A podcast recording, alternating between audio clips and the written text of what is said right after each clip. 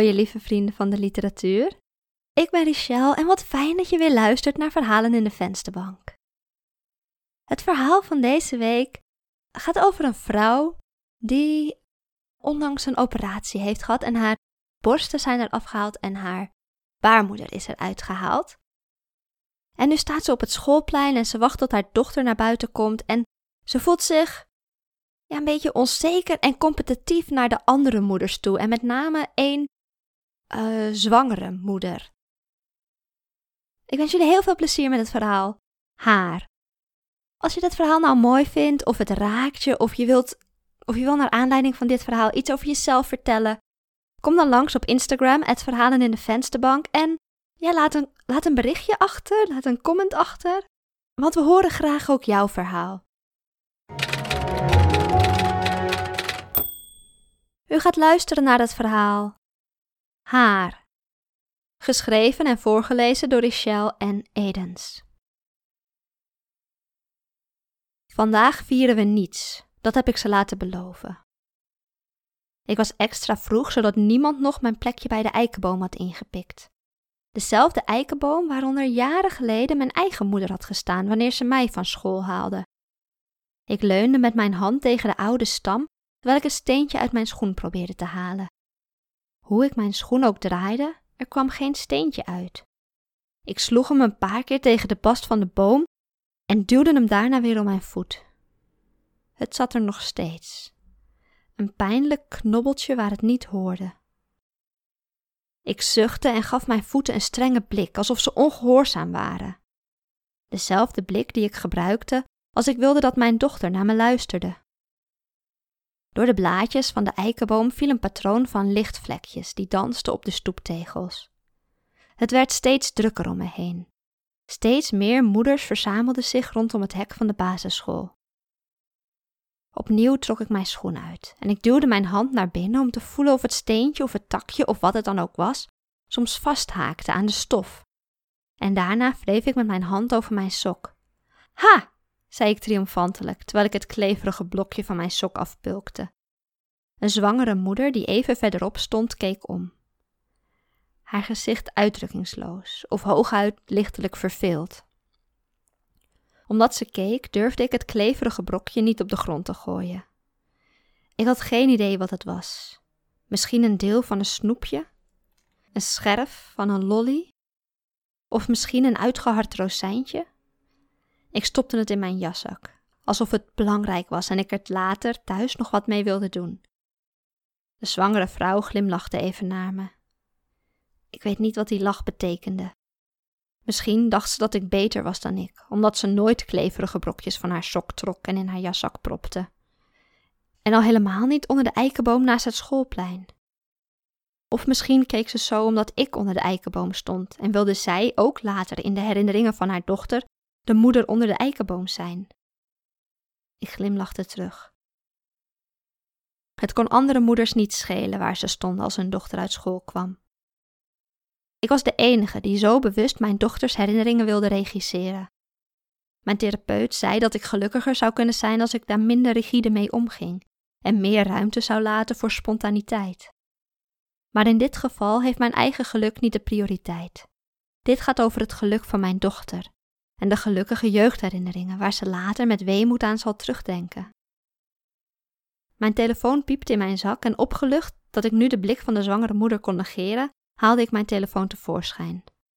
Het was niet eens een echt bericht. Het was een Facebook-herinnering van een foto die mijn man precies een jaar geleden had gepost. Ik zag mezelf in het ziekenhuisbed zitten, mijn ogen nog lodderig van de anesthesie. En ik stak mijn duim op naar de camera. Operatie geslaagd, Maaike is weer wakker, had mijn man geschreven. Instinctief haalde ik mijn hand door mijn haar. De korte plukjes kriebelden tussen mijn vingers. Nog even en mijn haar zou weer lang genoeg zijn voor een clipje met een strikje. Een kleinigheidje waardoor ik me weer iets meer vrouw zou kunnen voelen. Kort haar maakte me niet minder vrouwelijk. Dat zei mijn man soms als ik te vergeefs probeerde of het strikje al wilde blijven zitten en lichtelijk gefrustreerd en teleurgesteld het clipje dan weer teruglegde op het plankje onder de spiegel. Kort haar maakt mij niet minder vrouwelijk, zegt ook mijn therapeute. kort haar betekent geen verstopt doucheputje, zegt mijn schoonzusje in een poging om me op te vrolijken. Iedere keer als ze zoiets zeggen, dan knik ik maar dat ze gelijk hebben. Ik weet best dat mijn vrouwelijkheid niet in mijn haar zit, maar waar zit het dan wel? Ik mis de lange bos krullen die ik had voordat alles begon. Soms zou ik tegen ze willen schreeuwen, tegen hen allemaal, tegen mijn man, de therapeut, mijn schoonzusje en iedereen die met goede bedoelingen iets troostend of iets geruststellends probeert te zeggen. Soms, als ik in bed lig en niet kan slapen, dan oefen ik eindeloos dezelfde monoloog die ik nooit tegen ze zal schreeuwen. Oh nee, zit mijn vrouwelijkheid niet in mijn haar? Waar zit het dan? In de borsten die ik niet meer heb? In de baarmoeder die ze eruit hebben gesneden? Wat aan mij is nog vrouwelijk dan? Ik schreeuw nooit. Ik lach naar ze. Ik haal mijn schouders op en doe alsof ik getroost ben. Alsof ik gerustgesteld ben. En braaf zeg ik ze na dat het niet uitmaakt dat ik nooit meer een baby in mijn buik zal dragen. Dat maakt mij niet een mindere vrouw of een mindere moeder. Natuurlijk niet, dat weet ik ook wel. En die 50% kans dat mijn dochter het gen ook in zich draagt, dat is niet mijn schuld, dat is gewoon genetica. Dat maakt mij geen slechte moeder. De schoolbel rinkelt en even later vult de lucht zich met tientallen schreeuwende kinderstemmen. Ik stop mijn telefoon in mijn jaszak. Ik wil niet dat mijn Nini straks naar buiten komt en ziet dat ik verveeld op mijn telefoon kijk. Geen telefoon, geen verveling. Ik moet lachen, er geïnteresseerd en betrokken uitzien. Geen handen in mijn zakken. Ik weet niet waar ik ze dan wel moet laten. Vanuit mijn ooghoeken kijk ik naar de zwangere moeder om te zien waar zij haar handen houdt. Op haar buik. Natuurlijk houdt zij haar handen op haar buik. Alsof ze haar t-shirt extra strak trekt om zo die dikke bobbel te etaleren. Eventjes leg ik ook mijn handen op mijn buik, op het litteken dat daar zit. Nee, dat werkt niet. Dat voelt niet goed. Mijn ogen schieten van koppie naar koppie op zoek naar de krullen van mijn Nini. Mama, roept een meisjesstem enthousiast. Ze rent op de zwangere moeder af en slaat haar handjes om haar nek. Ze kust haar moeder op de wang en daarna drukt ze een kusje op de buik. En ze praat vertederend lief tegen de baby daarbinnen. Ondertussen mompelt de moeder iets over de verwarde haren. Ze trekt het elastiekje uit de blonde lokken, kampt het haar met haar vingers en maakt er een vlechtje in. Wat een aansteller. Wat een overdreven opschepper. Alsof ze iedereen wil laten zien hoe lief en zorgzaam ze is en hoe goed ze kan vlechten. Ik schud mijn hoofd. Ik wil zo niet denken. Als een van de laatste kinderen komt mijn dochter aangeslenterd. Ze rent niet, ze ziet me niet eens. Ze is druk in gesprek met een meisje uit haar klas. Nini, roep ik enthousiast. Ik steek mijn hand in de lucht en zwaai. Nu kijkt ze naar me. Ze wijst naar me en zegt iets tegen het meisje naast haar. Samen komen ze naar me toe. Mag ik bij Brit spelen? vraagt ze. Hoe was het op school? vraag ik. Ik buig naar haar toe om haar een knuffel te geven, maar ze schudt mijn armen van haar schouders. Mag het? vraagt ze. Ik druk mijn lippen tegen haar voorhoofd en haastig geeft ze me een kus terug. Ik heb thuis thee en koekjes klaarstaan op de keukentafel, zeg ik. Ik wil dat ze me later zal herinneren als een thee- en koekjesmoeder. Iemand die aan het eind van de schooldag geduldig luisterde naar alles wat ze had meegemaakt die dag.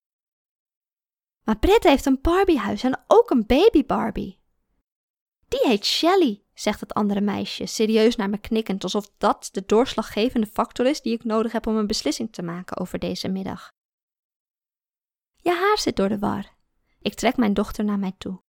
Haar donkere krullen dansen rond haar gezicht en als ik mijn vingers er doorheen trek, voel ik allemaal klitten. Krullen moet je ook niet kammen. Toch ga ik door. Steeds opnieuw trek ik mijn vingers door de haren. Elke keer als ik achter een klit blijf haken, laat ze een verontwaardigd geluidje horen. Alsof ik haar pijn doe. Ik verdeel haar krullen in drie strengen en probeer te vlechten. De haren luisteren niet. Ze zijn onhandelbaar en glippen steeds uit mijn handen. Nou, sta stil, zeg ik tegen haar bozer dan ik bedoelde. Ik dwing de krullen en trek aan haar haren. Mama, je doet me pijn. Bijna klaar, zeg ik. Ze zullen allemaal zien dat ik dat kan. Als ik klaar ben, heb ik geen elastiekje bij de hand. Met het puntje van haar vlecht tussen mijn vingers blijf ik staan. Brit slaat troostend een arm om mijn dochter heen en nu pas zie ik een traan op Nini's wangetje. Ik doe alsof ik moet lachen, alsof het allemaal een grappig misverstand is. En ik roep net iets te luid dat alles goed is, dat er niets aan de hand is. De zwangere moeder komt nu naar ons toe, haar dochtertje aan haar hand. Ze gaat iets zeggen, ze gaat iets tegen me zeggen. Ik zie het aan de manier waarop ze loopt, de manier waarop ze naar me kijkt. Het was maar een grapje, zeg ik voordat ze er is. Nini is gewoon een beetje kleinserig, niet waar, Nini? De zwangere moeder maakt een knikje met haar hoofd. Ga je mee, Brit? vraagt ze. Mama, mag Nini bij ons spelen vanmiddag?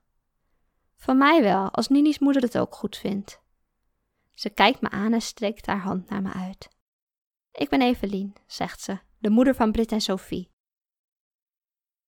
Ik moet haar hand wel schudden nu. Ik kan niet anders. Ik moet de haren van mijn dochter loslaten en meteen ontrafelt de vlecht weer. Ik leg mijn vingers in de hand van de zwangere vrouw en mompel dat het aangenaam is om kennis te maken. Haar hand is te warm en te zacht en te slank en te lief. Ze heeft al twee kinderen. Een derde is onderweg en nu wil ze die van mij ook nog mee naar huis nemen. Ik pers mijn lippen op elkaar. Ze heeft me in een hoek gedreven. Ik kan geen nee meer zeggen. Als ik nee zeg, ben ik de boeman. Als ik nee zeg, ben ik de slechterik. Je hebt een dingetje in je haar, lieverd, zegt de moeder tegen mijn Nini.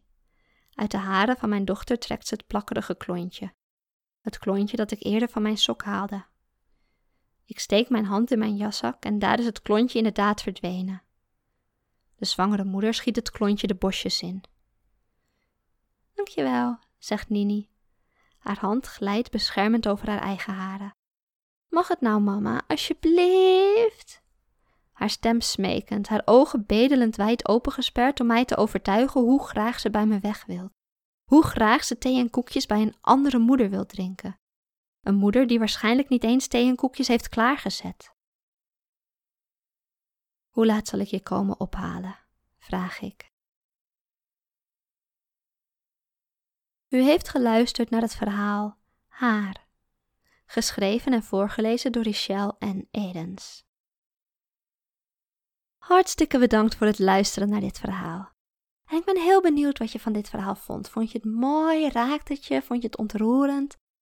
Kom langs op Instagram, verhalenindevensterbank.nl en laat een comment achter, laat een berichtje achter en laat het me weten, want dat maakt me altijd ontzettend blij. Als je het nou een mooi verhaal vindt, geef deze podcast dan 5 sterren of een like, net wat jouw podcast-app toelaat. En vergeet niet deze podcast te volgen, want we schrijven elke week een nieuw verhaal en we hebben jou er graag volgende week weer bij. Voor nu een hele fijne avond en een hele fijne week en ik zie jullie allemaal volgende week bij het volgende verhaal. Doei doei!